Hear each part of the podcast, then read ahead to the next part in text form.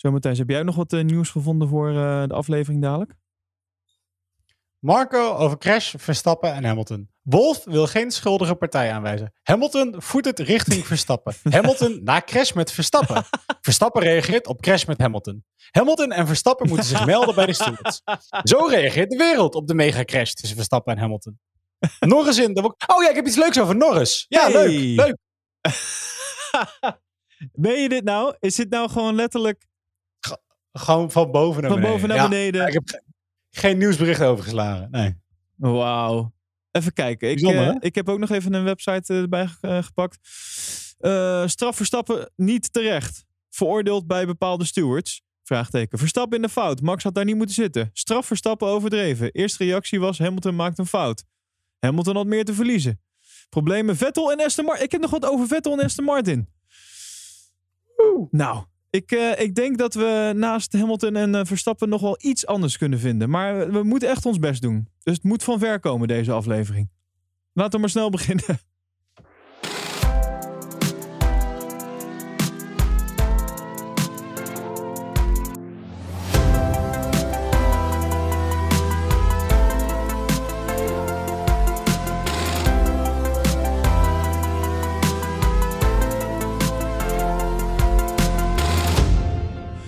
Aflevering 128 van de Pole Position Podcast. Leuk dat je weer luistert.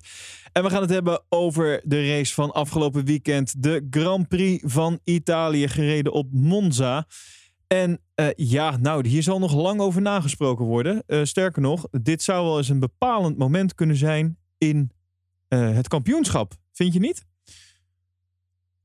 Dan ja, dan kan, dan kan je alles een bepalend moment noemen. Ja, dan was dat, dat, dat Max van de baan werd gereden ook een bepaald... Ieder punt dat je punten wint is een bepalend moment. Dan. Heb je, Nee. ja, we hebben het al vaak over gehad. De, de komt, de- de- er komt zo'n moment, hè, dan, dan then the game is on.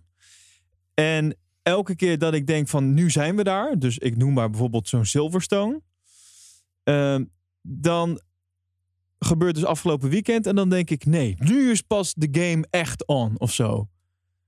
Weet je wel? Elke keer denk ik van nou, dit, nu, nu zijn we er, nu is het echt aan, aan de gang en dan weet je toch weer iets te, te overtreffen. Dit was voor mij wel nog weer een overtreffende trap.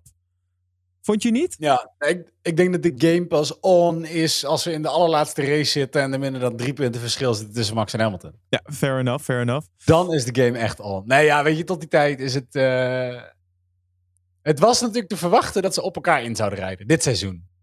Ja. Dat werd al meteen gezegd. Dus in zoverre was dit best wel te verwachten. En ik durf bijna te voorspellen, dit gaat nog een keer gebeuren dit seizoen. Ja, natuurlijk. Dat kan ook eigenlijk niet anders.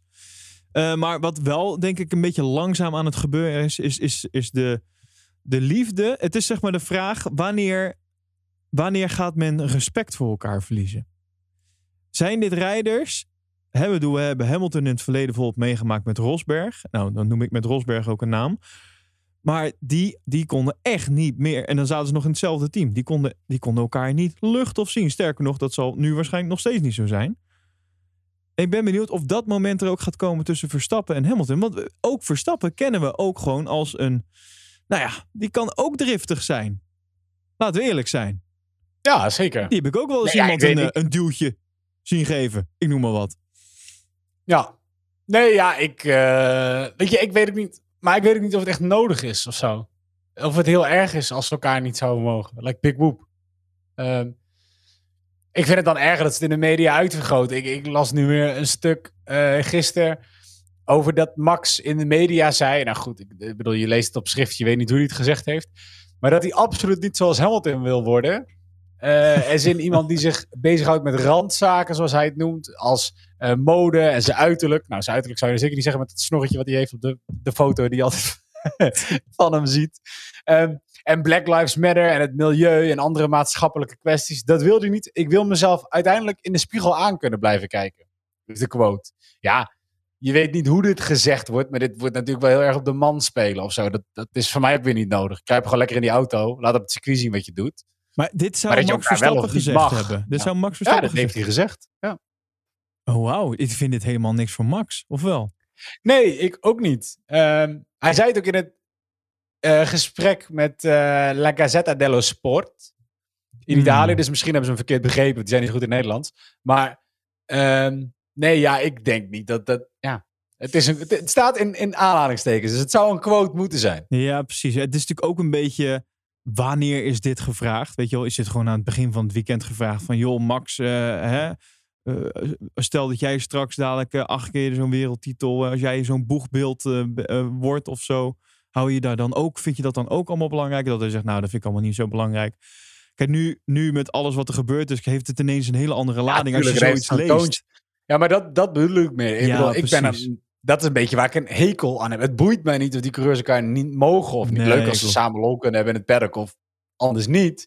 Ik vind het gewoon vervelender dat je vervolgens in de media dus alleen nog maar dit soort dingen leest. Die Ja. waarschijnlijk helemaal uit context zijn gehaald. En die, ja, weet je, het wordt zo'n soap. En het leuke aan Formule 1 vind ik is dat het ook niet zo'n hele erge soap zou zijn. Oh, nou, dat is een interessante. Daar Of zo. wil ik dadelijk even bij je op terugkomen. Ik ga hem gelijk even noteren. Wat ik wel, wat ik wel leuk vind, is dat het. ehm, eh, dat, dat Verstappen ook in hetzelfde stuk dus zegt. Dat hij niet per se Hamilton hoeft te benaderen. wat betreft het behalen van wereldtitels. En dan quote. Het maakt mij niet uit of ik straks aan het einde van mijn carrière 7, 8 of 9 titels heb binnengehaald. Ik vind het wel lekker dat hij gewoon inzet op 7 alvast. Dat, dat was toch gewoon wel, ja. Dan had ik kunnen zeggen of ik er 1, 5 of 10 heb binnengehaald. Maar nee, gewoon 7, 8 of 9. Klaar. dat, dat is gewoon de bare minimum. Ja, Ja, nou, we, duiken al meteen eh, diep in. Maar ja, dat kon ook niet anders met, eh, met, de, met de berichten die overal opduiken natuurlijk. Zoals je net al aan het begin van de podcast eh, liet horen. Maar laten we even een stapje teruggaan. En namelijk naar, naar het circuit waar we waren. Namelijk het Autodromo Nazionale di Monza.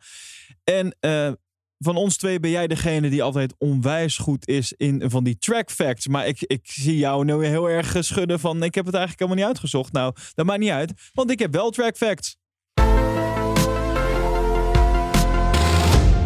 Ja, Matthijs, ik ben gewoon goed voorbereid hier zo. Eh nou moet ik wel zeggen, Nou, dit, leuk dat het andersom is. Oh, touché. Lekker zeg. Eh, je zit, bent wel lekker scherp. Eh, ja, Monza. Ehm, ik, moest, ik moest even twee keer nadenken. Want vorig jaar... eh, klopt het eh, dat wij vorig jaar op twee Italiaanse... op twee keer op Italiaanse grond zijn geweest. Namelijk Imola Zeker. en Monza. Dus ik, moest, ik dacht bij het invullen van, van de titel... had ik Grand Prix... of uh, Position Podcast 128 eh, Grand Prix Italië. En toen moest ik even nadenken van... Wacht even. Hebben we daar nou nog een keer Italië? Maar nee, dat gaat natuurlijk niet zo zijn. Ehm, we zitten gewoon op Monza. Dat is gewoon het circuit waarop we hebben geraced. En dat is eh, een circuit waar we 53 rondjes op hebben gereden. In totaal 306 eh, kilometer. 306,7 kilometer om precies te zijn. Eén rondje is 5,793 kilometer. En eh, het meest opvallende aan dit circuit eigenlijk dit weekend was toch wel... Wat denk jij dat ik nu ga zeggen, Matthijs? Wat was het meest opvallende aan dit circuit? Er is iets gewijzigd op dit circuit. Weet jij waar ik dan op doel? Er is één ding gewijzigd. En daar is nog wel... Daar- ja? Die nieuwe sausage curbs. Eh, nee, nee, maar daar is het ook om te doen geweest. Dus je zit wel in de buurt, maar het is niet helemaal. Eh, er is iets anders waar men het Vertel. eh, heel de tijd over heeft gehad. En dat is namelijk de nieuwe naam van de bocht Parabolica. Die heet namelijk niet meer Parabolica. Althans, niet meer in zijn geheel. Dit is een... Nou moet ik even opzoeken wat de nieuwe naam is geworden. Dit is namelijk een... eh, Ik vind Parabolica nog steeds klinken als een attractie bij de Efteling. Ja! Dit is precies wat Toch? ik dacht. Dit is nog... Oh, laten we alvast een ijsje gaan eten, want bij de Parabolica staat 40 minuten wachtrij. Dit is toch... dat is zo. Ja, dat is echt het enige wat ik denk als ik die naam hoor. Maar goed. Nee, nee dat, nou ja, de, niet, eh, niet alleen al omdat je daar eh, recentelijk nog bent geweest in de Efteling. Voor de mensen die weten we hoe dat avontuur is afgelopen. En ik kan je vertellen, het is de moeite waard om die aflevering te luisteren. Dan moet je even naar eh, petje.af slash poleposition. En als je daar dan... is de pre-show van vorige week. ja, ja, als je daar dan lid wordt van onze Pole Position podcast Pit Crew, dan, eh, dan kan je die aflevering luisteren. En het, wat ik al zeg, het is echt de moeite waard om die even te luisteren.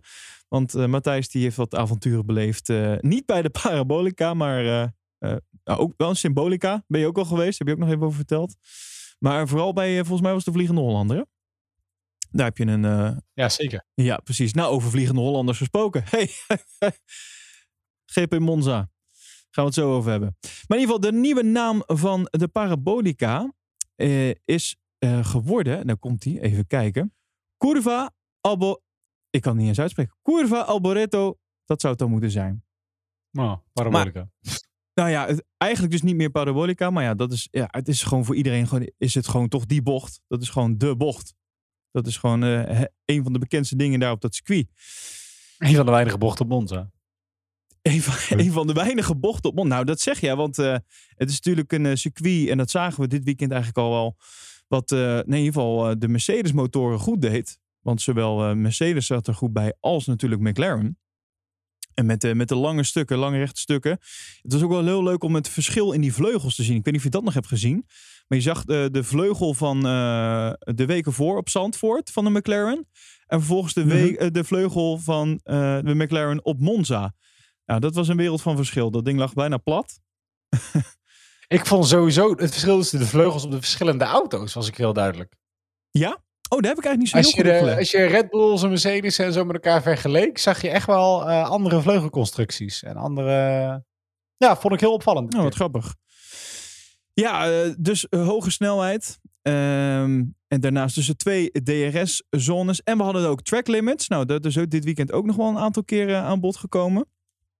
Ehm, ja, kortom, eh, ik, vind het, ik vind het een heel leuk circuit eigenlijk. En het is natuurlijk ook wel een beetje het circuit waar, eh, waar Ferrari normaal gesproken eh, ja, ja, zich thuis voelt. Hè? De thuisrace moet het zijn. En ik moet zeggen, in het begin van het weekend dacht ik nog van, nou, ze zitten er lekker bij. Misschien werkt dat dan toch een beetje, dat thuisvoordeel. Ze hebben het niet slecht gedaan dit weekend, maar nou ja, voor Ferrari moet het natuurlijk nog steeds beter. Maar ik had, ik had toch iets meer verwacht of zo. Ik denk, nou, misschien ga- gaat er toch wat magie gebeuren op, eh, in Italië. Maar niet het geval. En de winnaars van, weet je nog wie de winnaar van vorig jaar was? Dat podium was namelijk wel. heel Vorig jaar. interessant. Ja, vorig jaar was ook een hele bijzondere race. Ja, precies. Gasly. Ja, klopt ja. Gasly was toen de winnaar. Alfa Tauri, nou ja, hè, om even kort alvast op in te Vettel haken. was tweede, Mm, Ja, dacht ik. Mm, ja, Of Sainz. dat was wel podium. In ieder geval wat Ja. jij nu noemt. Ja. Eh, maar de pol, wie had dan vorig jaar de pol? Oeh, dat weet ik niet meer. Hamilton? Ja, Lewis Hamilton, eh, die had de pol. Max was toen ook uitgevallen trouwens in die race. Eh, en de pol bleef in handen van Mercedes, maar dit keer was het eh, Bottas. En wat nog bijzonder was dus dit, dit weekend, is dat het een, eh, een weekend was met een sprintrace. We hadden weer eens een keer een sprintrace na die eerste keer. En ehm, nou, ik, ik ben toch wel benieuwd, wat vond jij er nu van? Dus we hebben de eerste keer nu gehad. En het is nu dus de tweede keer dat we hem hebben. Heb jij hem net zo ervaren als de eerste keer? Vond je het net zo interessant? Of had je nu deze keer van, ik vind het geen toegevoegde waarde hebben? Nou ja, ik denk dat Monza is niet zo'n heel interessant circuit voor een sprintrace. Oh, oké. Dat is een beetje het ding van Monza. De, ik, ik denk dat je van tevoren al wel aan kon voelen dat het een minder interessante sprintrace Ja. was. Omdat 100 kilometer gewoon niet zo heel veel is op Monza. Het is relatief lastig in te halen. Ehm, en daardoor denk ik dat het minder spannend is. Kijk, ik vind nog steeds dat het idee met die kwalificatie. En dan de winnaar van de kwalificatie start als eerste op de sprintrace. En de winnaar van de sprintrace start als eerste op het grid. Dat blijft een beetje een bijzondere constructie. Of Ja. zo. Ik weet nu niet helemaal wat ik daarvan vind. Ik vind het wel nog steeds leuk. Ik heb ervan genoten dat ik op zaterdag even een half uurtje Formule 1 kon kijken. En dat dat tof was om te zien. Ja, ja. Dus in zoverre ben ik als, like, als supporter ben ik blij. Ik vind de constructie nog steeds een beetje raar. Ja. En ik denk dat daar nog wel iets moet veranderen in de puntenverdeling. En zeker als je kijkt naar nou ja, hoe genaaid het is als jij dus in die sprintrace uitvalt voor relatief weinig punten. Ehm, en hoe je dan uiteindelijk zo erg eh, in de problemen komt tijdens de race zelf. Ik had ook het idee van eh, bijvoorbeeld Max, dat hij toen hij die tweede plek had, dat hij het ook wel prima vond omdat hij wist dat, dat hij van Pol zou starten. Omdat Bottas toch vanuit de pits moest starten. En dat je dan denkt, ja, weet je, voor dat extra puntje neem ik het risico niet om hem in te halen. Om eventueel te crashen, om een fout te maken aan die auto. Ik rij hem lekker rustig uit. Weet je, het wordt heel berekenend. Ja. En dat vind ik een beetje jammer. Ik weet niet of het echt zo is of dat het voor mij zo voelt. Maar dat vind ik een beetje jammer. Dat heb je natuurlijk wel minder als je dit straks in alle races zou hebben, die sprintraces. Laten we eerlijk zijn. Ehm, maar het was gewoon, ja, minder spannend. Maar alsnog leuk, weet je. We knippen het gewoon op in twee keer. Helemaal prima. Ja, precies. Nou ja, en wat, dan wel weer leuk was, dat we natuurlijk eh, in de kwalificatie was het uh, nou, Bottas die de spol pakte. Ehm, maar eh, bij de race, of bij de sprintrace, was het uiteindelijk Hamilton die, die daar echt even verloor. Die daar echt een aantal plaatsen moest, moest inleveren aan onder andere de McLaren's. Ehm, waar, en, ook Verstappen. En dat maakt natuurlijk voor de race maakt dat weer interessant. Dus hoe goed Lewis ook had gekwalificeerd, uiteindelijk werd het in de sprintrace werd dat weer teniet gedaan. Dus ja. dat vind ik dan wel weer leuk aan een sprintrace. Dat er de, de dynamiek wordt toch iets groter daardoor. Je hebt toch iets uh, te verliezen. Voorafgaand ja. aan de race. Nee, ja, zeker. Maar ik weet niet, ik vind toch, ik, het, het, risico weegt nog niet helemaal op tegen de punten of zo. Nee. Misschien als je, maar het is ook wel eens over reverse grid sprint races uh, gegaan. Als je zou zeggen, je kwalificeert. En, en de persoon die op vrijdag kwalificeert, die staat op pole in de race. En die staat in de sprintrace. Uh, en in de sprintrace doen we het omgedraaid. Dus dan is je kwalificatie nog steeds bepalend voor de race. En de sprintrace is gewoon een korte reverse grid versie van de race. Dat lijkt me dan wel weer grappig. Dat is bijna meer een beetje een soort Becky Races of zo. Precies, maar, dan, zeggen, Becky Races. Ja, maar dan heb je weer wat, wat meer mix of zo. Omdat het, een hele kort, omdat het een korte 100 kilometer is, heeft de reverse order nog best wel zin. Omdat het niet betekent dat de beste auto's die achteraan starten, want die hebben het best gekwalificeerd voor de race zelf, dat die ook automatisch winnen. Weet je wel? Dan zit er misschien nog iets meer gevecht in voor de, voor de wat minder snelle teams. Nu is het toch een beetje, ja, het is leuk om naar te kijken, maar het voelt ergens een klein beetje een soort van overbodig of zo. Ja, precies. Nee, dat is waar. Trouwens, we hadden het net over, dus, uh, over de Grand Prix van Italië vorig jaar. Maar dat was natuurlijk een beetje um, verwarrend. Want we hadden dus en Emilia Romagna. En, ja. en die werd gereden op Imola. Toch? Mm -hmm. En de Grand Prix van Italië, die werd gereden op Monza. Toch? Ja. Ja, nee, oké. Okay, dat, uh, dat, ik was eventjes in de war of dat nou... Uh, maar dit, dit, klopt wat ik nu zeg, toch? Dit. Ja, nee, nee, dit klopt, dit klopt. 100%. Ja. Nee, oké, oké. Ik heb nog wel andere leuke feitjes in de tussentijd opgetuigd over Imola. Sorry. Ja, precies. Ja.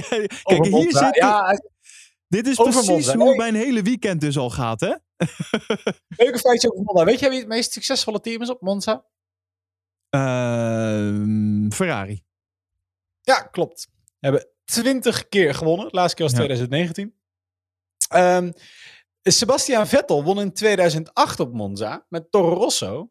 En daarmee was hij toen de tijd de jongste Grand Prix winnaar ooit. Met 21 jaar, 2 maanden en 11 dagen. Hmm. Um, Michael Schumacher en Lewis Hamilton hebben samen het record voor de meeste overwinningen op Monza. Vijf. Nou, dat is nog steeds een gelijk record. Ja, precies. Um, en vroeger werd Monza aan het einde van het seizoen gehouden. En werd de wereldtitel vaak bepaald op Monza. Het is maar liefst twaalf keer geweest oh, leuk. dat de wereldtitel bepaald is door een race op Monza. Tussen 1950, toen Monza gebouwd werd, en 1979. En in 1950 won Giuseppe Farina de World Championship door te winnen op Monza. En dat is de enige keer dat een rijder eh, de wereldtitel heeft behaald op, eh, in het land waar hij geboren is. Echt waar? De enige keer, in 1950. Ja, ja dus Oh, Lewis. Hamilton heeft bijvoorbeeld nooit de wereldtitel behaald tijdens de race op Engeland. Ah, manier. en. Vettel ook nooit tijdens de race in Duitsland, dat Dat- soort dingen. Weet je? Dus stel, we doen Zandvoort aan het einde van het, van het jaar Ja. en Max wint hem daar, dan heeft hij voor het eerst heeft hij dat. Dit is gewoon één keer gebeurd, 1950. Like, Dat is it. Een uniek Oh, cool. iets dan eigenlijk ook, hè? Dat is een- Ja. ja, dat is waar. Trouwens, om nog even te corrigeren over unieke dingen. Dat podium voor vorig jaar was niet Vettel, het was Stro- Stroll. Dat was, Oh, eh, Stroll, was ja, Gasly, Sainz, Stroll. Ja. Ja. dat was het. Ja. En in, eh, nou ja, Daniel Ricciardo heeft natuurlijk, eh, spoiler alert, heeft de race gewonnen. Eh, en daarmee was het de laatste, de eerste keer dat McLaren een racer won sinds 2012. Oh, wauw. Dat is ook wel eventjes geleden. Ja, ja, precies. Vanwege het 1-2'tje met Norris was dit de eerste keer dat we McLaren 1-2'tje hadden sinds 2010. Canada 2010. Ook al even geleden, hè? Dat is gewoon al 11 jaar geleden, hè? Nou, hebben ze lang moeten dus- wachten. Zo'n ontzettend mooie overwinning geweest voor McLaren. Ja, de En, ontlading en een was groot. leuke, ja, en een leuke om daar meteen aan toe te voegen, is er is weer een weddenschap geweest met Daniel Ricciardo. Echt? Ja, ja, maar dit keer niet voor een tatoeage. Niet voor tatoeage. Waar Zo- ik trouwens, waar Maar- ik het even over heb, ook niks meer over gezien heb Nou, en dat is- gehoord heb. daar wilde ik net even op inhaken. We, er is dus niemand weet waar die gebleven Niemand is. weet waar de tatoeage staat. Ja. Ja. En hij, ja, dat is natuurlijk, je ziet eh, onze, onze grote chagrijn eh, veel minder op camera nu die, nu die weg is bij Alpine. Ja. Maar dat is grappig. Maar er was een andere weddenschap. Dit is eh, gebaseerd op een tweet van Zack Brown in maart dit jaar.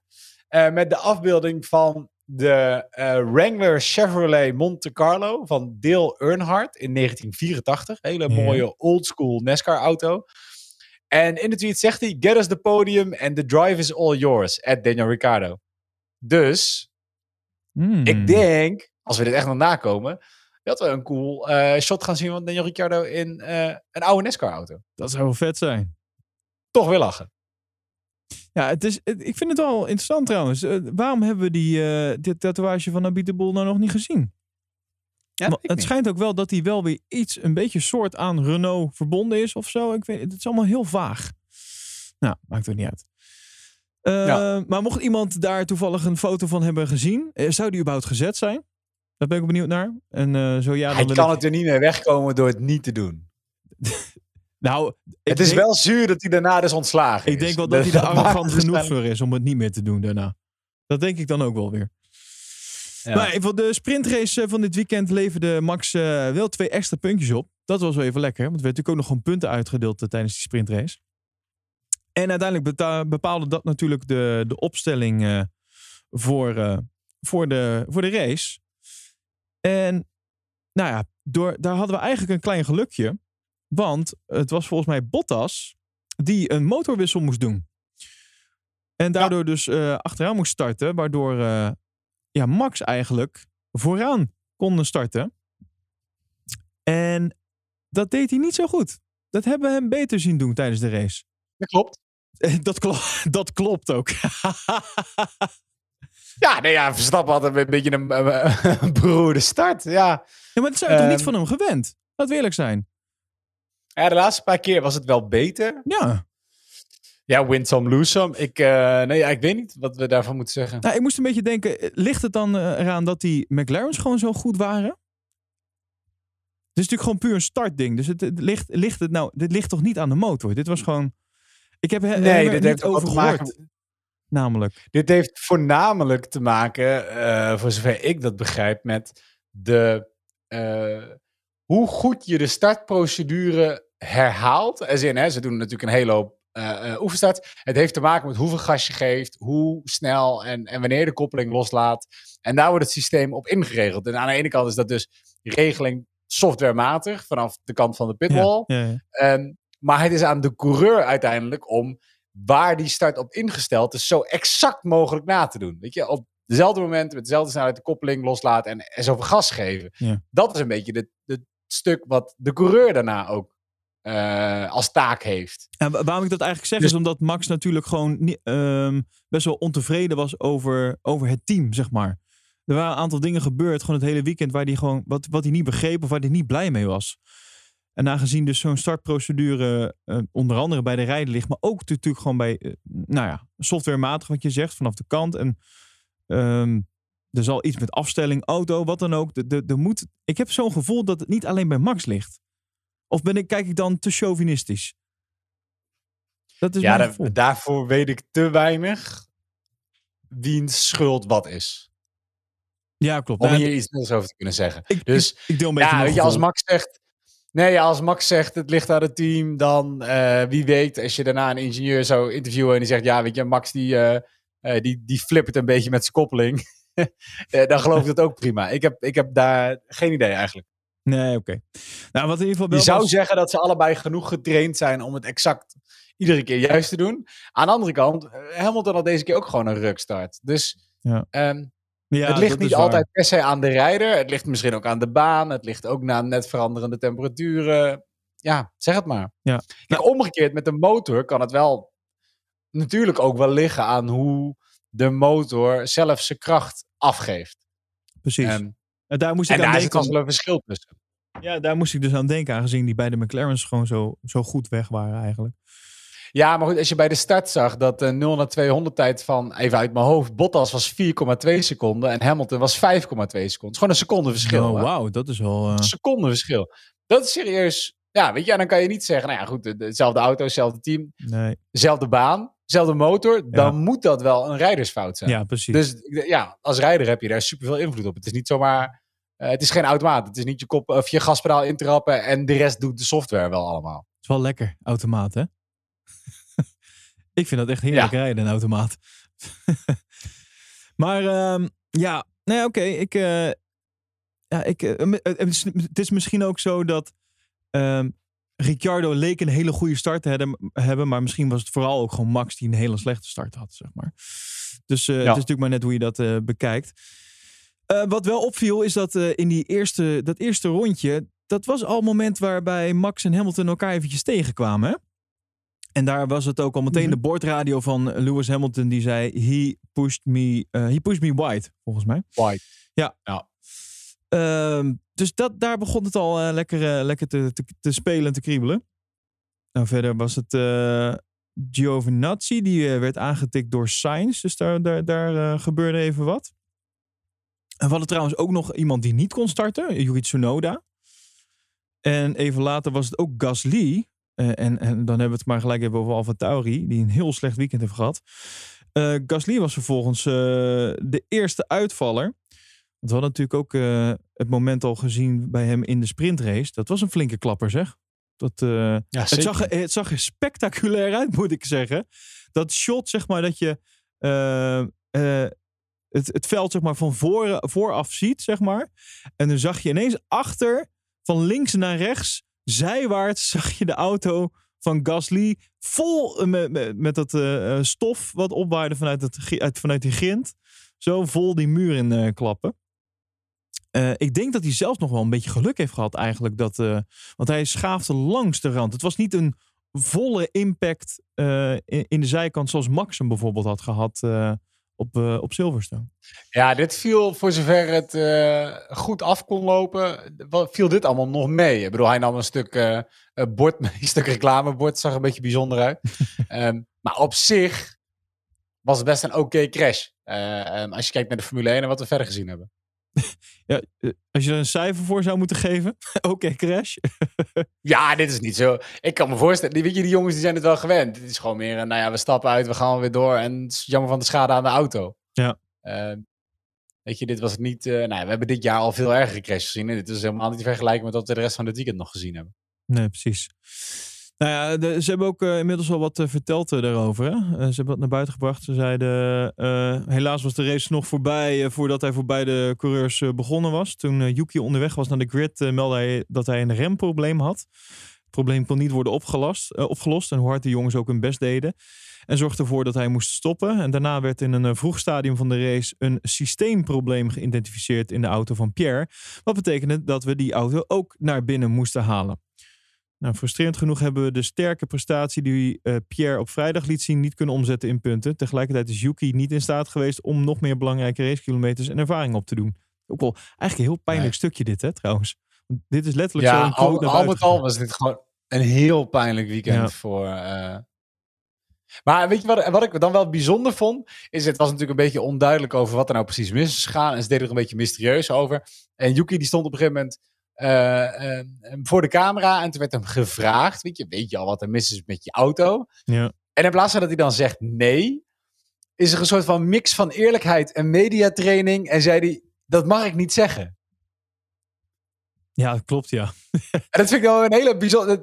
Weet je wat er is? Nou ja, dat mag ik niet zeggen. Oké, eh, lang leven natuurlijk je mediatraining. Maar ehm, ja, ik weet niet. Viel, viel mij heel erg op. Ik hoorde dat en het was een beetje zo'n zo, zo'n raar iets. Ik denk dat ze, nou ja, dat ze toch een serieus eh, eh, probleem lijken te hebben. Ja. In, de- in de garage van Alfa Tauri.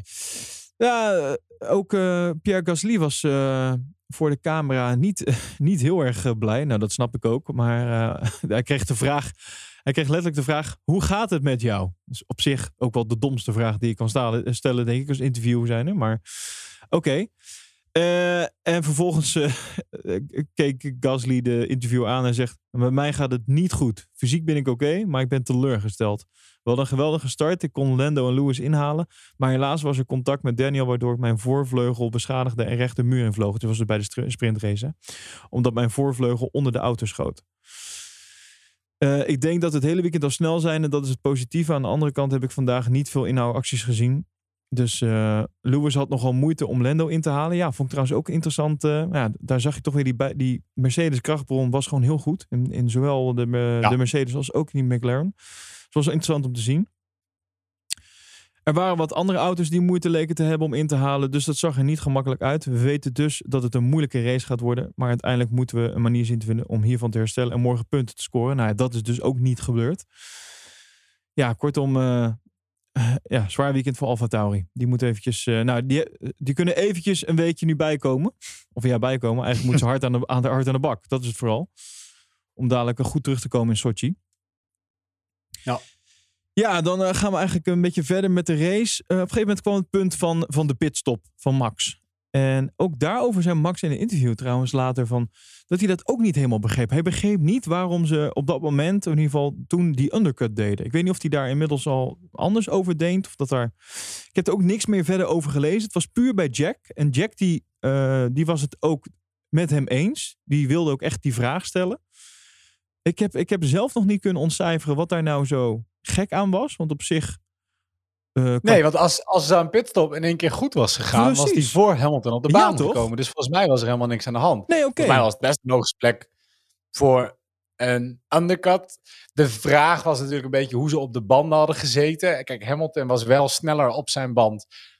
Zat er ruimte genoeg tussen dat, dat Max hem achter zich had kunnen houden? Of was het gewoon een soort van eindeloos gevecht geweest met uh, en hoe lang duurt het voordat Hamilton er voorbij komt, wetende dat hij er uiteindelijk wel voorbij komt? Ja, precies. Dat is misschien een beetje de vraag. En dan kan je zeggen, oké, okay, was het slimmer geweest om langer door te rijden op je oude band? Aan de andere kant, eh, Max was zelf ook al over zijn banden aan het klagen. Hij moest toch naar binnen. Ja. Ik vond het best een logische plek voor een pitstop. Wat dan alleen weer niet logisch was, was dat die pitstop 11 seconden duurde. Of misschien was het juist dat hij vond dat hij te lang buiten bleef. Dat zou ook nog kunnen hoor weet niet. Maar in ieder geval, wat je zegt, die pitstop die duurde lang. 11,1 seconden. En rechtsvoor was er iets aan de hand waardoor dat uh, lang duurde. Uiteindelijk was het Lewis die ook een lange pitstop had. Want die had ook meer dan 4 seconden dat zijn pitstop duurde. En uiteindelijk zorgde dat voor een situatie waarbij Hamilton terug uit de pits kwam. En eigenlijk vlak voor Max de baan opkwam. Maar het scheelde nou, nauwelijks iets. Vertel. Voordat we het hierover gaan hebben, wil ik het wel even hebben over die 11 seconden, die pitstop. Die 11 Sorry, want anders dan duiken we. Ja, dan duiken we helemaal. Want je zei, er ging iets mis. En ik ben er nog niet achter wat er exact mis is gegaan, want er gaan twee verhalen rond. Oh, ik ken er maar verhaal. één. Dus dit vind ik interessant. Ik zal je vertellen wat ik weet. Ik weet dat het met de, uh, de, het pistool niet goed ging. Dat daar ja, de fout dat zat. klopt. Maar weet je wat er niet goed ging met nee, het pistool? Dat weet, dat weet ik niet. Oké, want ik heb twee, ene verhaal software error, andere verhaal is human error. Gewoon omdat uh, Horner zei in een interview ook, dit was uh, human error.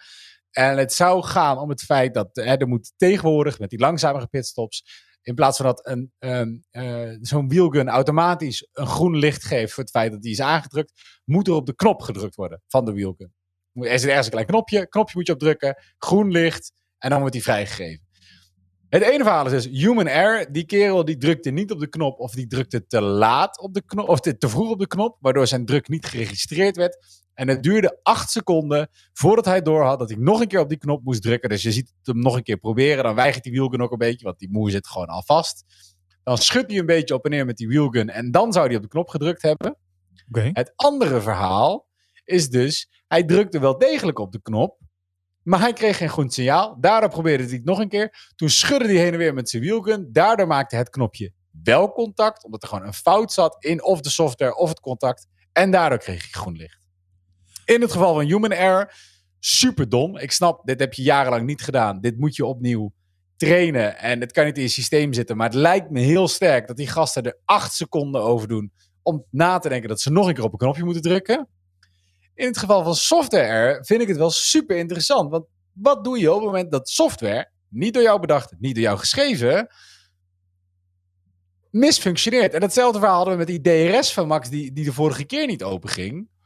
Wat doe je in zo'n geval? Ik, ik Ja. weet niet wat. Via uit een heel dik handboek. Er zullen ongetwijfeld regels over zijn.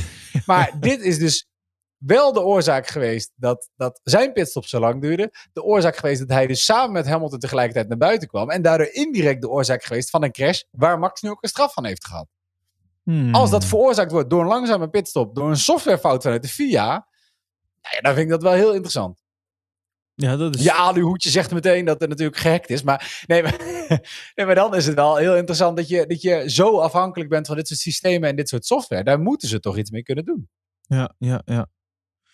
Ja, dit is wel interessant, ja. Als het software is, dat zou dat echt heel erg... eh, mm, oh, Ja, datzelfde heb je met het DRS, weet je. Wat als vorige keer reed Max de snelste ronde, ondanks dat zijn DRS niet open ging. Ook daar, ik heb aan de ene kant gehoord dat mensen zeiden, hij heeft zelf niet goed op de knop gedrukt op stuurtje. Aan de andere kant, de meeste verhalen die ik hoorde, die zeiden het DRS-systeem zelf functioneerde niet goed. Ja, wat als jij de snelste ronde verliest in de laatste keer dat je DRS niet open gaat? Wat, wat doet de FIA daaraan? Hmm. En wat volgens mij ook nog het ding is, is dat ehm, alle wielguns die geven zo'n groen signaal, toch? Als de band eh, er Mhm. goed op zit. Ja, maar daarvoor moet je dus op een knop drukken. Ah, oké, oké. Ja, en Want het automatische signaal, dat hebben ze nu met die langzame pitstop, is dat verboden. Je moet daardoor zelf op een knop drukken. ja, oké, oké, ja, want dit, dat, dat was het dus het ding. Het signaal werd dus niet doorgegeven. Ja, precies. Dus Verstappen kreeg ook niet ja. het seintje om te vertrekken, zeg maar. Dat, was dan, dat is dan uiteindelijk wat er gebeurt. Want dat is wat Ja, nee, gebeurt. nee, dan krijg je, dan krijg je groen licht. En dan, dan eh, mag de, eh, hoe heet dat, niet de lollipop guy, eh, maar de kerels met de, met de krikken, die mogen je auto al niet eens naar beneden laten. Want die krijgen geen groen licht om dat te doen. Ah, ja, ja, ja, ja, check, ja, ja. Dus daarom blijft je auto ook een beetje zo lullig bungelen. ja. omdat hij nu wel gewoon van de grond af staat. Ja, weet je, ik vind het heel wonderlijk. En ehm, nou ja, goed, een van deze twee verhalen is waar. Weet jij als luisteraar welk verhaal waar is? Laat het ons weten, want ik weet het in ieder geval nog niet. Ehm, je kan het naar ons slacken via ons Slack-kanaal. Je mag het DM op Instagram. Je mag het appen. eh stuur een postkaart, mag ook. Maar laat het ons even weten. En dan komen we inderdaad bij, nou ja, Max komt naar buiten toe, samen met Hamilton. We hebben de bocht aan het einde van het rechte stuk. Ja. Elwin, take it away. Nou, er, schijnen een paar eh, nieuwsberichten hierover naar buiten te zijn gegaan. Je moet ze wel even goed zoeken voordat je ze hebt. Maar eh, op dat moment eh, gaan ze de bochten in. En ja, op de beelden is te zien dat Hamilton op dat moment net wat voor Max ligt. En dat, wat zal dat zijn? Een wiellengte. Dat is ongeveer het verschil. Ehm, en wat er naar mijn idee gebeurt, is daar zijn twee coureurs die strijden voor een kampioenschap. En wat doe jij? Doe je als je strijdt voor een kampioenschap? Dan geef je alles. Dan doe je daar alles voor. Ehm, en in dit geval zijn het dus ook twee coureurs die geen ruimte aan elkaar laten. Lewis had meer naar rechts gekund, wat mij betreft. Eh, Max had ook niet per se, omdat hij nog achter Lewis zat, namelijk zo die bocht in hoeven gaan. Eh, puntje bij paaltje, ze raken elkaar. En niet zomaar, want Max die, eh, die vliegt over de Mercedes van Hamilton heen. En hij landt eigenlijk met zijn rechter achterband, achterwiel. Of, eigenlijk nog een stuk, stukje vloer volgens mij ook. eh, landt hij op, ja, op de halo, die zich dit weekend wel weer bewezen heeft, overigens. Op de halo Ja, van... eh, Met dank ook aan Lewis. de sausage curb. Hè? Dat moet je er even bij zeggen. De reden dat Max zijn auto, de achterkant van Max zijn auto, werd naar, gelanceerd. kijk, naar rechts, ja. Ja. naar rechts getikt wordt richting Lewis Hamilton. Komt doordat hij wegschiet over de sausage curb. Ja. En volgens raakt Max zijn achterwiel die van Hamilton. En daardoor wordt zijn auto omhoog Ja, gelanceerd. precies. Voor de mensen die even niet weten wat een sausage curb is. eh, een worstcurb. Vertel. Wat, kan, je het, kan je het kort uitleggen wat de sausage curb is? Ja, dat Ik zijn die hele, trek van namelijk. Hele kleine, venijnige curbstones die heel hoog zijn. Je kan ze een beetje vergelijken met als je wel eens een parkeergarage inrijdt. Dan heb je ze vaak, in Nederland zijn ze geel waar je Ja. overheen moet. Van die hele kleine, lullige, hele hoge drempels. Naar. En daar kan je ook, hoe zachtjes je er overheen gaat, dat doet altijd zeer. En dat, je, je- stuitelt door je auto heen. Ja. Nou, daar kan je het mee vergelijken. Kleine, hele hoge curbstones, die vanuit veiligheid enkele jaren geleden bedacht zijn en zijn neergelegd. Om te voorkomen dat er bochten werden afgesneden. Omdat dat doet zo'n pijn als je er overheen gaat ehm, aan je auto, dat je dat niet wil. Ja, nadeel is dus, eh, en ze kunnen je auto ook zo lanceren op deze manier. Ja, precies. Met als gevolg dat je dus ook op je buurman terecht kan komen. Dat was het geval. Nou ja, Ja. Dat betekende automatisch einde race voor Max. Eh, daar dacht Lewis overigens anders over. Die dacht, dit is nog helemaal geen einde race. Eh, ik ga die auto er nog even uitrijden. Dat was vond ik wel een interessant beeld. Max die inmiddels was Ik was heel even bang, weet je dat? Ik zag het hem proberen. Ik denk, nee, Je die zal zien dat Max uitstapt. Ja, precies. Hamilton rijdt weg en dan rijdt die race gewoon uit, weet je wel. Dat is een beetje, eh, wat is het, Lauda tegen Hunt. Daar is het ook een keer gebeurd, volgens Ja. mij. Dat Lauda al uitstapt en dat Hunt toch besloot om nog door te rijden en uiteindelijk nog punten kon scoren. Ja, dat is... Oeh, het is- even mijn adem in. En, en dat is dan toch, dat, dat heeft Lewis dan toch een beetje met zich mee, hè? Dat, hij dan, dat, dat je dat gaat denken van, het zal hem toch niet weer Ja, nu, het hè? zal toch niet. Ja, ja. precies. Maar dat was niet het geval. Maar eh, Lewis die kon uiteindelijk ook niet eh, daar wegrijden. Eh, we zagen de beelden dat Max wegliep. Keek nog even één keer om. Ehm besteed, besteedde verder geen aandacht aan Lewis of wat dan ook. En daar kwam daarna in de media, werd dat een heel ding. Ik weet niet of je dat een beetje hebt meegekregen. Maar Lew- of, Max, die... weet dat? Dat hij wegliep daar zo, terwijl hij niet even checkte hoe het met Lewis was. Ehm, nou, dat vond ik op zich best raar. Want volgens mij hebben wij allemaal gezien op de beelden dat Lewis nog eh, bezig was om zijn auto eh, daar weg te krijgen. Nou, als Lewis niet oké zou zijn geweest, probeert hij daar niet zijn auto op die manier weg te, te krijgen, toch? Dan heb je wel. Nee, daarom. andere- En je, ziet, en je ziet als Max uitstapt, hij loopt achter zijn auto weg en hij kijkt Hij dan kijkt even om. naar links, naar Lewis. Precies. Dus helemaal pri- wat ik merkwaardig vond, maar waar je dan weer niemand over hoort, is dat Max gewoon breed over het circuit heen wegliep. Ja, ja, precies. Terwijl er was geen rode vlag. Dus ik sta, hij, je ziet hem gewoon rustig midden over de weg zo door die weglopen. Dat ik denk, huh?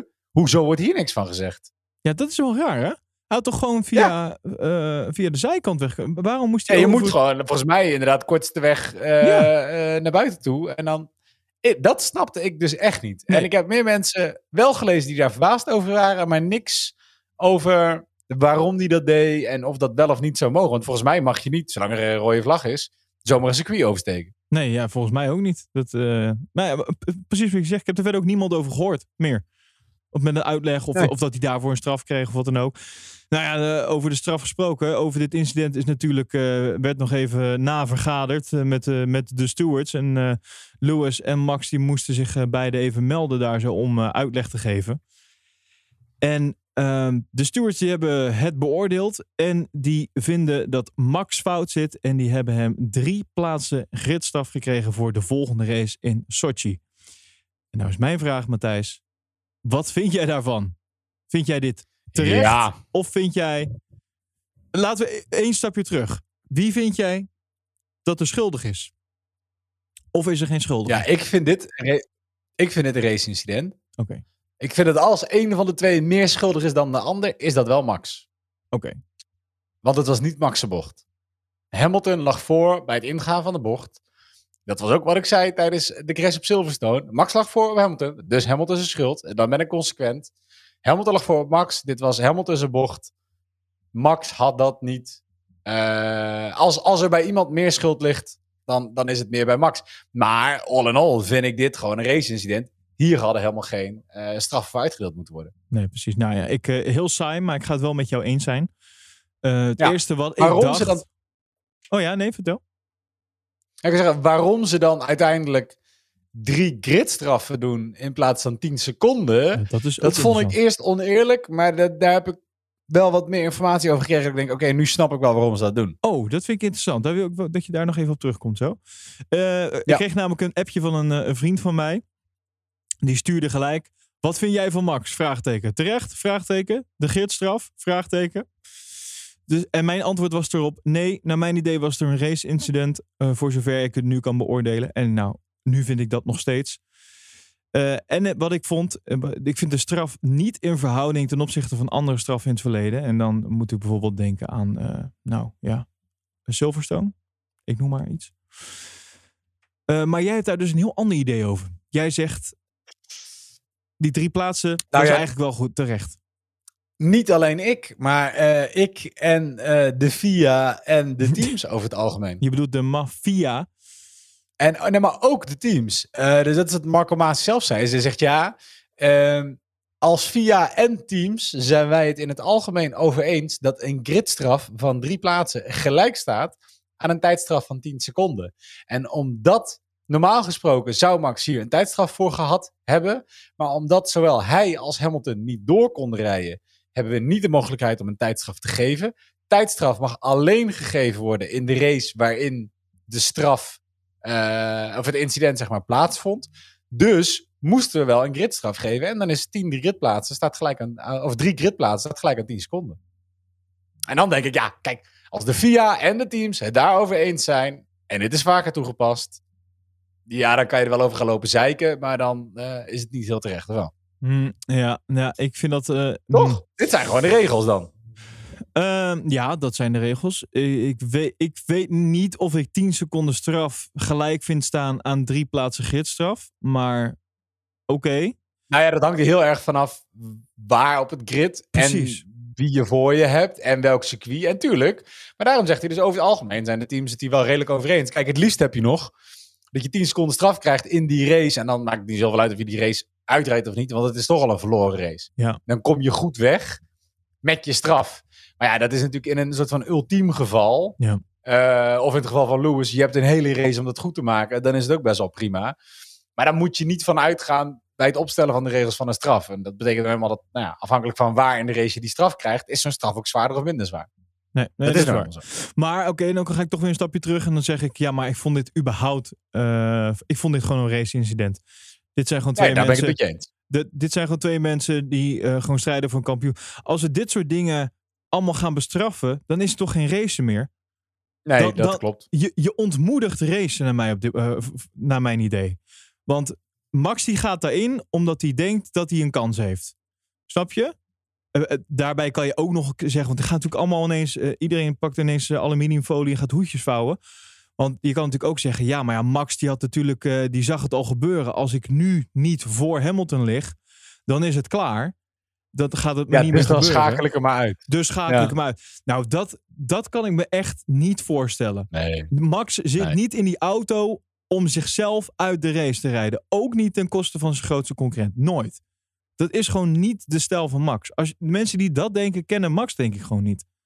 En nou, Nee, maar ook, en ook, dan heb je ook een andere crash als dit. Ik bedoel, dit was Sausage Curb, jouw achterwiel tegen Precies. iemand anders zijn achterwiel. Daar heb je al geen controle over. Als je dat doet, dan, dan zet je jouw voorkant in zijn zijkant. ja, precies. Eh, Als je, dan, dan rij je op iemand in. Dit was gewoon een, dit was gewoon een stom ongeluk. als, je dit, als je dit op deze manier met opzet hebt gedaan, krijg je van mij een 9. Want dat vind ik gewoon netjes. Ja, dat vind ik echt knap. knap. Daarom. Dus dat is gewoon onzin. Dus ja, ik, wat mij betreft gewoon race-incident. En ik vind het gewoon echt jammer dat de, de FIA dus dit soort dingen op deze manier bestraft en beoordeelt. Eh, je zou bijna kunnen denken, zitten er daar een paar stewards die eh, misschien eh, wat bevooroordeeld zijn. Je zou het zomaar kunnen denken. Het racen wordt gewoon op deze manier naar mijn idee ontmoedigd. En dat vind ik gewoon echt heel jammer. Want dan doe je dus niks meer. Want bij elke bocht die je dan ingaat, denk je... ja, maar als ik nu iemand raak, dan is het klaar, bij wijze van. En Ja. dat is gewoon... Ik vind dat echt jammer. Het is niet nodig naar mijn idee. En nou, ik vind het nog steeds een verkeerde beoordeling. Maar ja, wij gaan er verder niet zo heel veel aan veranderen. En wie daar dan uiteindelijk profijt van had, althans... dat weten we niet zeker. Maar, want op dat moment lag hij namelijk al op de eerste plek. Maar ehm, ja, Daniel Ricciardo... Dat, is, eh, dat was de gelukkigste man in Italië, volgens mij, afgelopen weekend. Of in ieder geval afgelopen zondag. Ja. Laten we eerlijk zijn. Zeker. Want daar waar Red Bull en Mercedes gewoon de, de grote verliezers waren, samen met Alfa Tauri, was het toch wel eh, McLaren die de grote winnaar was. Met een 1-2, zoals je er straks al zei. Een 1-2. Ja, en die, die boordradio van Ricciardo, die was fantastisch. Ik weet niet Ja. of je die hebt, eh, die hebt gehoord. Zeker. Heb je hem onder de knoppen?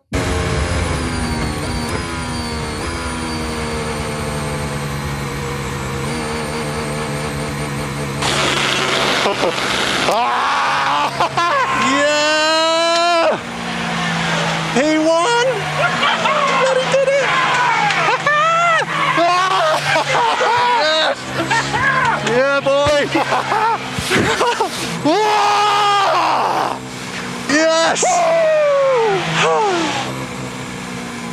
Nou, dat is toch heerlijk? Dat is toch fantastisch? Ja, zeker. Jongens. Hij is zo blij. Maar wat viel jou, viel jou iets op aan deze boordradio? Nee. Nee, nee. Nou, wat mij opviel. is het lijkt wel een beetje alsof ze de lach van Lando Norris hebben overgenomen. Want ik weet niet of je, misschien moeten we nog maar eens even terugluisteren. Ik weet niet of je een beetje die lach van Lando in gedachten kan houden. Hoe dat ongeveer, eh, een beetje dat hoge lachje heeft hij altijd. Weet je dat? ja, ik kan het niet goed voor, ik kan het heel slecht nadoen. Maar eh, ken je het, ken ken het lachje van Lando? Ik ga het eens Mhm. even opzoeken. Dan, eh, dan heb je er een beetje een beeld bij. Dat is dus wat mij als eerste opviel. Het lijkt wel alsof die jongens zo lang met elkaar omgaan. Dat, eh dat hij het een beetje over heeft genomen. Even kijken. Deze. Oh, dit is zo'n klassiek moment nog van die persconferentie. Komt ie. I was just wondering if. It's not that. No, okay. I thought. I think the maths are right anyway. Um,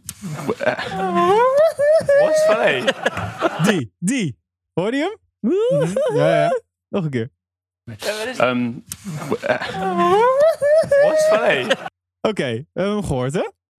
Oké, gaan we even terug naar die boordradio van Ricciardo. Oh, kut. Yeah! He won! But he did it!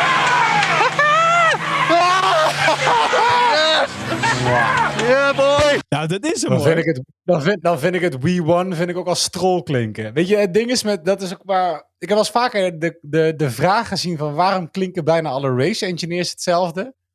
Oh, echt waar? Terwijl ja? het allemaal andere mensen zijn. Ja, maar dat komt, dat heeft dus te maken met de frequenties die die radio's wel en niet doorsturen Oh. en, en dat soort Ja, ja, dingen. ja, ja. Dus daardoor kan het misschien lijken dat hij lacht er weer ook. Maar ik vind hem, eh, ik, eh, mij heb je er niet mee. Nou, het is vooral iemand op de achtergrond. Het is namelijk niet Daniel zelf, maar het lijkt iemand op de achtergrond te zijn. Het, eh, die dus dat lachje heeft. Het, het- En misschien pikken, pikken ze de, de, de radio op van iemand die ernaast met Lando onder de ja, knoppen zit. nou, dat zou nog wel kunnen. Eh, Laat nog één keer luisteren. Nou, Yeah! Oké, dit is nog eh, dus Daniel. En dan hoor je zijn engineer dus. He won! Die. op de achtergrond. nou, misschien- He won! Hoor je hem? Nou, Mhm. dat, is, dat is echt gewoon Lando. What's funny? Zie je? Nou, tot zover deze onzin mensen. Ik moest, ik, toen ik die boordradio hoorde, toen dacht ik echt... Huh? Is, is Lando al in de pits? Wat natuurlijk niet kon. Maar in ieder geval, dat viel me op aan die boordradio. Maar ik vond het hartstikke leuk voor die jongens. Ze waren zo blij. Eh, en het, ik vond het wel grappig om te zien dat eh, Lando toch ingetogener blij was. hij was natuurlijk wel blij, maar het liefst had hij natuurlijk gewoon gewonnen. En ik moet eerlijk zeggen, ik dacht eigenlijk nog... Zou het hem nog gaan lukken? Want ze zaten allemaal zo dicht bij elkaar. En ik zei op een gegeven moment in de Slack-groep van... Nou, het is eigenlijk, dit, dit wordt nog wel eens een spannende race. Wat uiteindelijk helemaal geen spannende race werd. Want er verschoof helemaal niets meer in, eh, in, de, in de volgorde. Maar wat wel opviel is dat iedereen bleef bij elkaar binnen dezelfde soort marge. Dus Ja. dit, dit liet wel zien dat als je dus hè, de beste twee eigenlijk eruit tussenuit haalt, namelijk eh, Max en Lewis, dat je ineens een super competitief veld hebt. Waar echt alles in kan gebeuren, waar je eigenlijk geen foutjes kan maken. Als je dit vanaf ronde 1 tot en met eh, rondje 53, 52, 74, ligt eraan welke baan we zitten. Als je dat hebt, krijg je ineens een hele andere race, joh.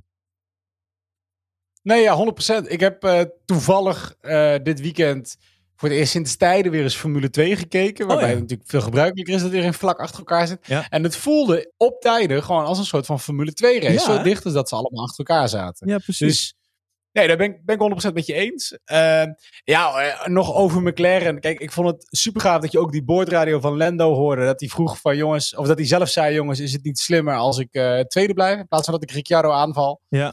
En dat is zo. En nou ja, dan blijft hij gewoon hartstikke netjes tweede. En, en de, de andere die ik wil noemen is toch wel Bottas. Die man die startte vanaf P19. Ja. En die heeft hem gewoon wel even lekker tot aan P3 gereden. En ik heb Bottas zelden zo vrolijk zien kijken. Absoluut. Nou ja, volgens mij is het natuurlijk ook. eh, Hij volgens mij is er zo'n gewicht van zijn schouders. ja, maar ook als je hem, had je zijn reactie gezien op het ongeluk van Max en Hamilton. Toen hij voor de camera stond. Nee. Liet ze op de beelden, de beelden achter hem, liet het ongeluk oh, ja, zien. Ja, ja, ja, En hij draait om, hij kijkt en hij draait terug. En iets in de trant van, well, that looked scary. En dan up en door met de volgende. En ook, zo glimlachend op het podium, zo zie ik hem nooit naast Hamilton staan als hij tweede is. Nee, dat klopt. Die man die was gewoon, eh, die is een soort van ontketend. eh, nu die eh, weet dat hij weggaat bij Mercedes en helemaal nu die niet meer, in ieder geval niet meer zo nauw hoeft te luisteren. Nee, precies. Nou ja, dat rondje wat hij er ook uitperste tijdens die kwalificatie. Wat verdomme. Waar Max Ja, geel, geel, geel had. En, en Lewis had er nog wel eh, groen, groen volgens mij. Maar Bottas die, die stampte toen even het paars, paars groen uit eh, op dat moment. Echt, eh, wat je zegt, ontketend. Zo leek het wel. Hij zal meer in zijn sas Ja. zitten op dit moment. Dat denk ik wel. Of zoals Olaf Mol zegt, in zijn salsa. Alright. Ja, dat, dat was de race op Italië. Ehm, nou wil ik nog wel wat nieuws doornemen. Maar ja, je, je hebt net al alle headlines doorgenomen aan het begin van deze aflevering. Zit er nog iets anders tussen? Of zeg je van nou, ik heb eigenlijk alleen maar dingen over Max en Hamilton eh, gezien. Eh, nou, ik heb één ander feitje. Eentje maar. Maar eentje waar ik het wel even over wil hebben. Nee, sorry, twee. Eén was eh, kritiek op de helmetcam in de Formule 1.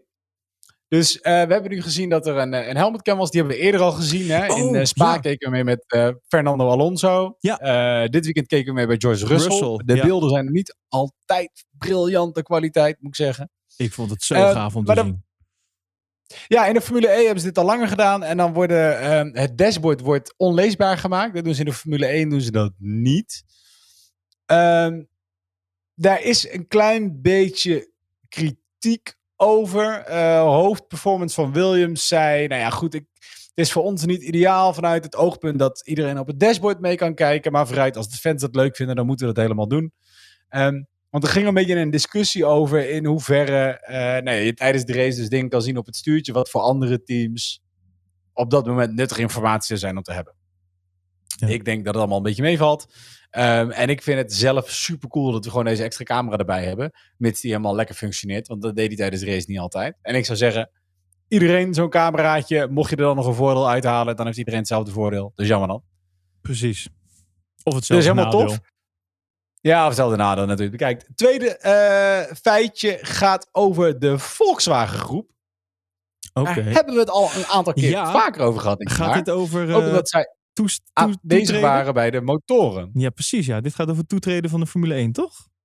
Ja, toetreden van de Formule 1 door eh, Audi en of Porsche. Ja. Eh, ze waren natuurlijk al bij de besprekingen eh, over de nieuwe motor. En wat blijkt, dat is naar buiten gekomen. Ik weet niet of het, of het net is gebeurd, maar het, het nieuws heeft mij in ieder geval pas net bereikt.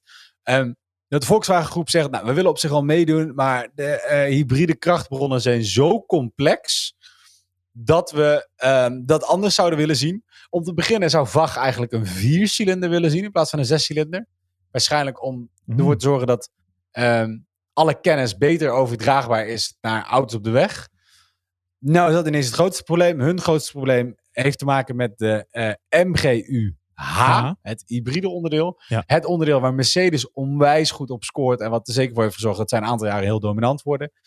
Ehm, en daar zouden ze verandering in, in willen zien. Nu is grappig genoeg Mercedes bereid om de MGU-H af te schaffen. Oh. Als ze dat rond willen krijgen. Dus Mercedes wil een voordeel hierin best opgeven. Maar zeggen ze.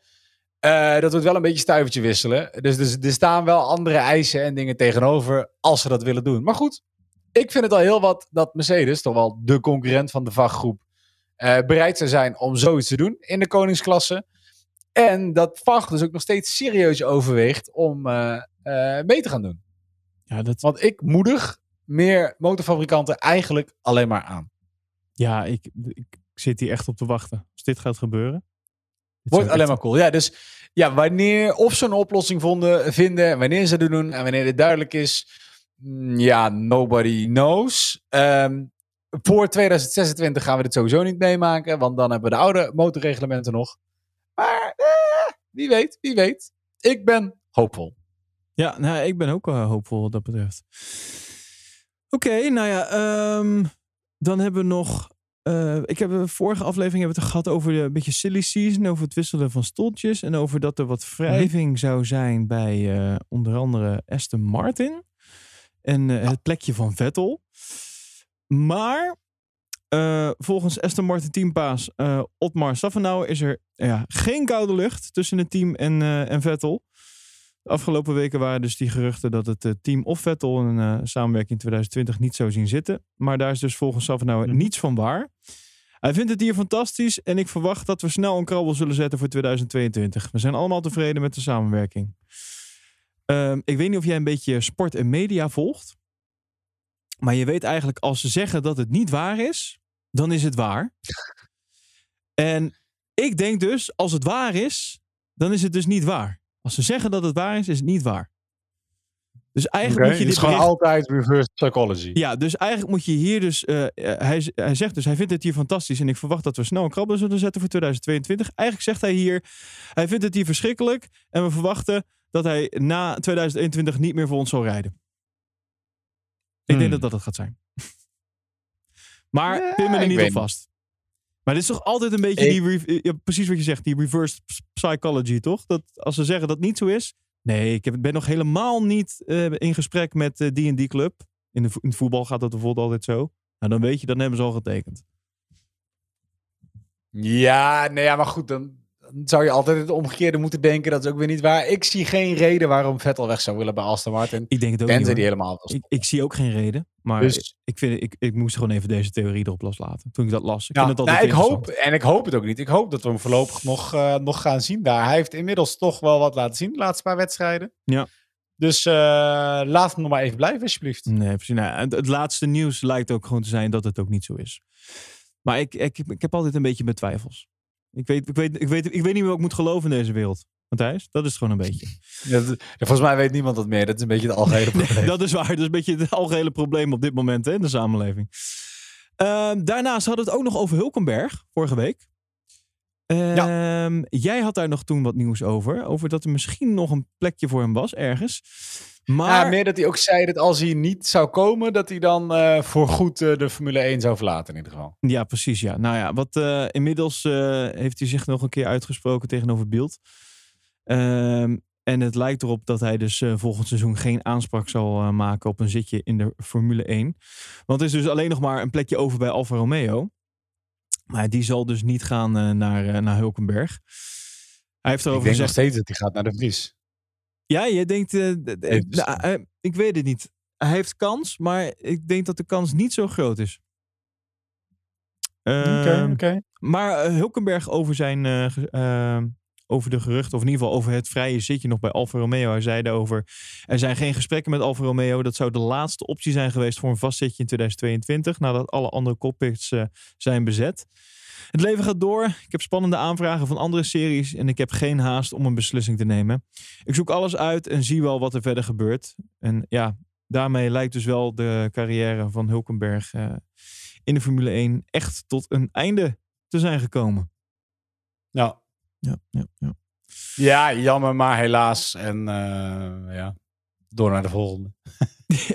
ja, ja, voor jou, jij kan heel Nou makkelijk ja, ik afscheid vind- nemen. Ik, vind, ik vond Hulkenberg hartstikke leuk en ik zou hem graag terugzien in de Formule 1. Maar goed, weet je, er is zat ander talent wat, eh, eh, wat ze zouden kunnen gebruiken. Eh, ik vind het ook jammer dat Giovinazzi weg zou gaan eh, bij, bij Alfa. Ik, bedoel, ik was zeker geen fan van hem toen hij binnenkwam, maar hij is echt enorm gegroeid. En het afgelopen, of dit seizoen, heeft hij best wel wat, eh, wat toffe dingen al laten zien. Hij stond niet voor niks nu achtste op Monza. Ja, Eh, wat Ja, voor ja. Alfa helemaal goed is en wat Kimi eh, absoluut niet gelukt is.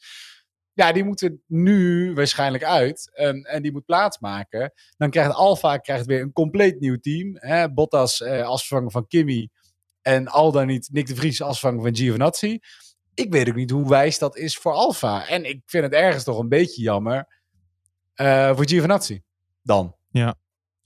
Ik heb niet gedacht dat ik dat zou zeggen, maar... Oeh, nee.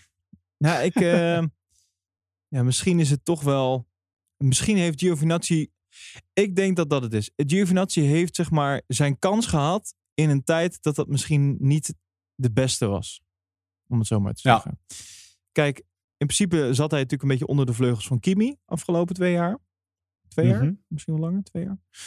Ehm, dus dat, dat lijkt een goede samenwerking te kunnen zijn. Hè? Iemand die heel ervaren is met iemand die, eh, die nog wel wat kan leren, zeg maar. En eventueel nog Mhm. stappen zou kunnen maken. Ja, dat, dat is dus nu mislukt. Of in ieder geval, dat is niet uitgepakt zoals men had gewild. Misschien ook wel omdat Kimi toch ook niet meer dat kon leveren ehm, wat ze hadden gehoopt. Maar ja, misschien ook gewoon door de ontwikkelingen bij Alfa zelf. Misschien was het team er gewoon nog niet klaar genoeg voor, om het zo maar te zeggen. Dus ik denk, dat, denk, ik denk dat Giovinazzi gewoon een beetje last heeft van op de verkeerde tijd bij, de, bij het verkeerde team zitten. Ik denk dat dat het gewoon is. En Ja. dat zou misschien voor, de, nou ja, voor degene die dadelijk naast Bottas komt. Hè, stel dat eh Alfa toch wat stappen gaat zetten. Ja, zou dat ineens heel goed kunnen uitpakken. Met en een stuk ervaring. En misschien eh Alfa die wat stappen gaat zetten naar boven toe. Dan, en dan Mhm. kan je ineens zeg maar wel net in de picture komen. En, en daardoor misschien een stap maken naar, nou, hè, Ferrari misschien. Wie zegt het? Dus ik denk, dat, het, ik denk niet dat het alleen aan Giovinazzi zit. Aan de andere kant, ja, het is voor wat we, wat we van hem hebben gezien, is vrij kleurloos. Laten we het dan zo noemen. Hij Ja. heeft niet een, echt een indruk achtergelaten. Er zijn ook mensen die achteraan rijden die wel een indruk achterlaten. Niet, vaak niet de beste indruk, ik Mazepin.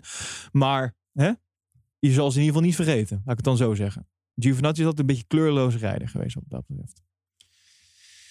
Ja, en daarmee zijn we denk ik wel aan het einde gekomen van deze aflevering. Want Dat denk ik eh, ook, ja. qua nieuws is het allemaal eh, discussie over Verstappen en, en Hamilton. Eh, terwijl ik denk alleen maar, laten we vooral weer vooruit gaan kijken. En dat is over twee weken in Rusland, Sochi. En ik denk alleen maar, laten we vooral positief dan bekijken. Als Max drie plaatsen gidsstraf krijgt, ja, dan kan je net zo goed even die motor gaan verwisselen. Want die wissel moest toch nog een keer gaan komen. Laten we dat dan maar gaan doen. Dan, hè, je pakt toch al gridstraf, dus dan maar ietsjes meer. En Sochi Ja. is denk ik een baan waar je toch best wel goed kan inhalen. Dus, Mhm. nou, als je het dan ergens moet doen, laat het dan maar daar zijn. Toch? Ja, nee, dat klopt. Wat dat betreft ehm, Je kan hem is het misschien een goede om hem helemaal te pakken en, eh, en de motor gewoon te wisselen. Ik, ja. zou, ja, ik zou dat denk ik doen. Maar ja, ik, eh, ik heb er verder niet, eh, niet heel veel verstand van. Oh ja, tot slot wat ik nog leuk vond in de Slack.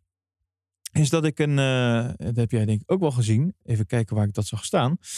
Ehm, in het racekanaal, op Slack kan je allemaal verschillende kanalen aanmaken. Onder andere over de podcast en over nieuws. En, eh, maar ook eh, tijdens de race wordt in het racekanaal... spreekt iedereen altijd met elkaar over de race. En ehm, iemand in onze Slack die, die werkt dus bij Red Bull. En ik, die had dus even een foto geplaatst ehm, van de beker van Zandvoort die al in de entreehal stond. Dat vond ik gaaf. Ja. Had je die ook gezien, Matthijs? ja, super tof om te zien dat je daar dus gewoon iedere dag langs kan lopen als je daar werkt. Hè? Dat is toch vet? Maar het is Ja, grappig zeker. dat hij er al zo snel stond.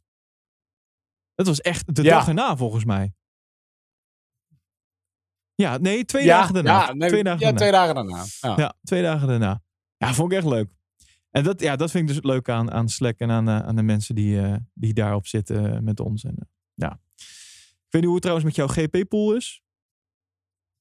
Ja, beter. Ik heb jou ingehaald, vriend. Oh, is het gebeurd? Oh, ja. Ja. zeker. En ik heb gewoon, ik heb twee races heb ik niet meegedaan, omdat ik niet op het juiste knopje had gedrukt. En omdat ik het vergeten was een keer. Oké. En ik heb jou gewoon al ingehaald. Nou, dus Oké, fair enough. even Ik, je best gaan ik doen. heb er ook eentje volgens mij niet ingevuld uit mijn hoofd. Maar ja, kijk, als, Ja, je, ja, als je Max en Lewis eh, in jouw eh, top 10 had staan van de GP-pool, ja, dan gaat het snel. Want die knikken natuurlijk al uit. Ja, en ik had ook, ik, Gas- sta, ik sta drie punten boven jou. en ik had ook Gasly erin staan. Ja, dat is ook niet eh, Ja. de meest handige Nee. zet. Dus ja. Ah, hey, het seizoen is nog niet voorbij. Net zoals nu met Max en Lewis. Max staat bovenaan, maar we zijn er nog niet. We moeten nog een aantal races. Dus in het kampioenschap kan nog van alles veranderen. En ook in onze pool. Kortom, eh, ja, laten we vooral lekker verder gaan kijken. En nog, eh, ja, hoeveel races zijn er nog? Eh, het zijn niet zo heel veel meer, toch? Een stuk of acht nog? Ja, het zijn wel een aantal. Maar we gaan daar weer een triple header trouwens tegemoet. Dat is misschien wel leuk. Dan gaan we twee keer Turkije komt erbij. Dus Rusland, Turkije, Turkije. Dat is wel lekker. Even drie, drie keer achter elkaar Formule 1. Helemaal top. Nou, dankjewel voor het luisteren.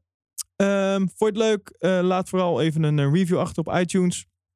Of eh, volg ons op Instagram, at poppositionnl. Of eh, doe mee in onze Slack. En ja, dankjewel Matthijs voor deze keer weer. En graag tot de volgende keer.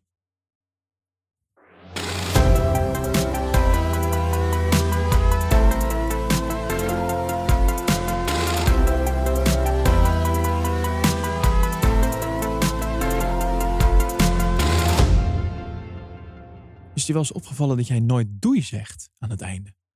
Je zegt nooit doei tegen Jawel. de luisteraar. Ik heb wel eens vaker, ik heb wel eens vaker houdoe gezegd. Ha- Houdoe? Houdoe? Is het omdat je nou in Brabant woont dat je houdoe zegt? En toch, wel- ik ben in Brabant geboren, vriend, en ik woon in Gelderland. Oh. Dus twee keer fout. Oh, Zo jammer dit.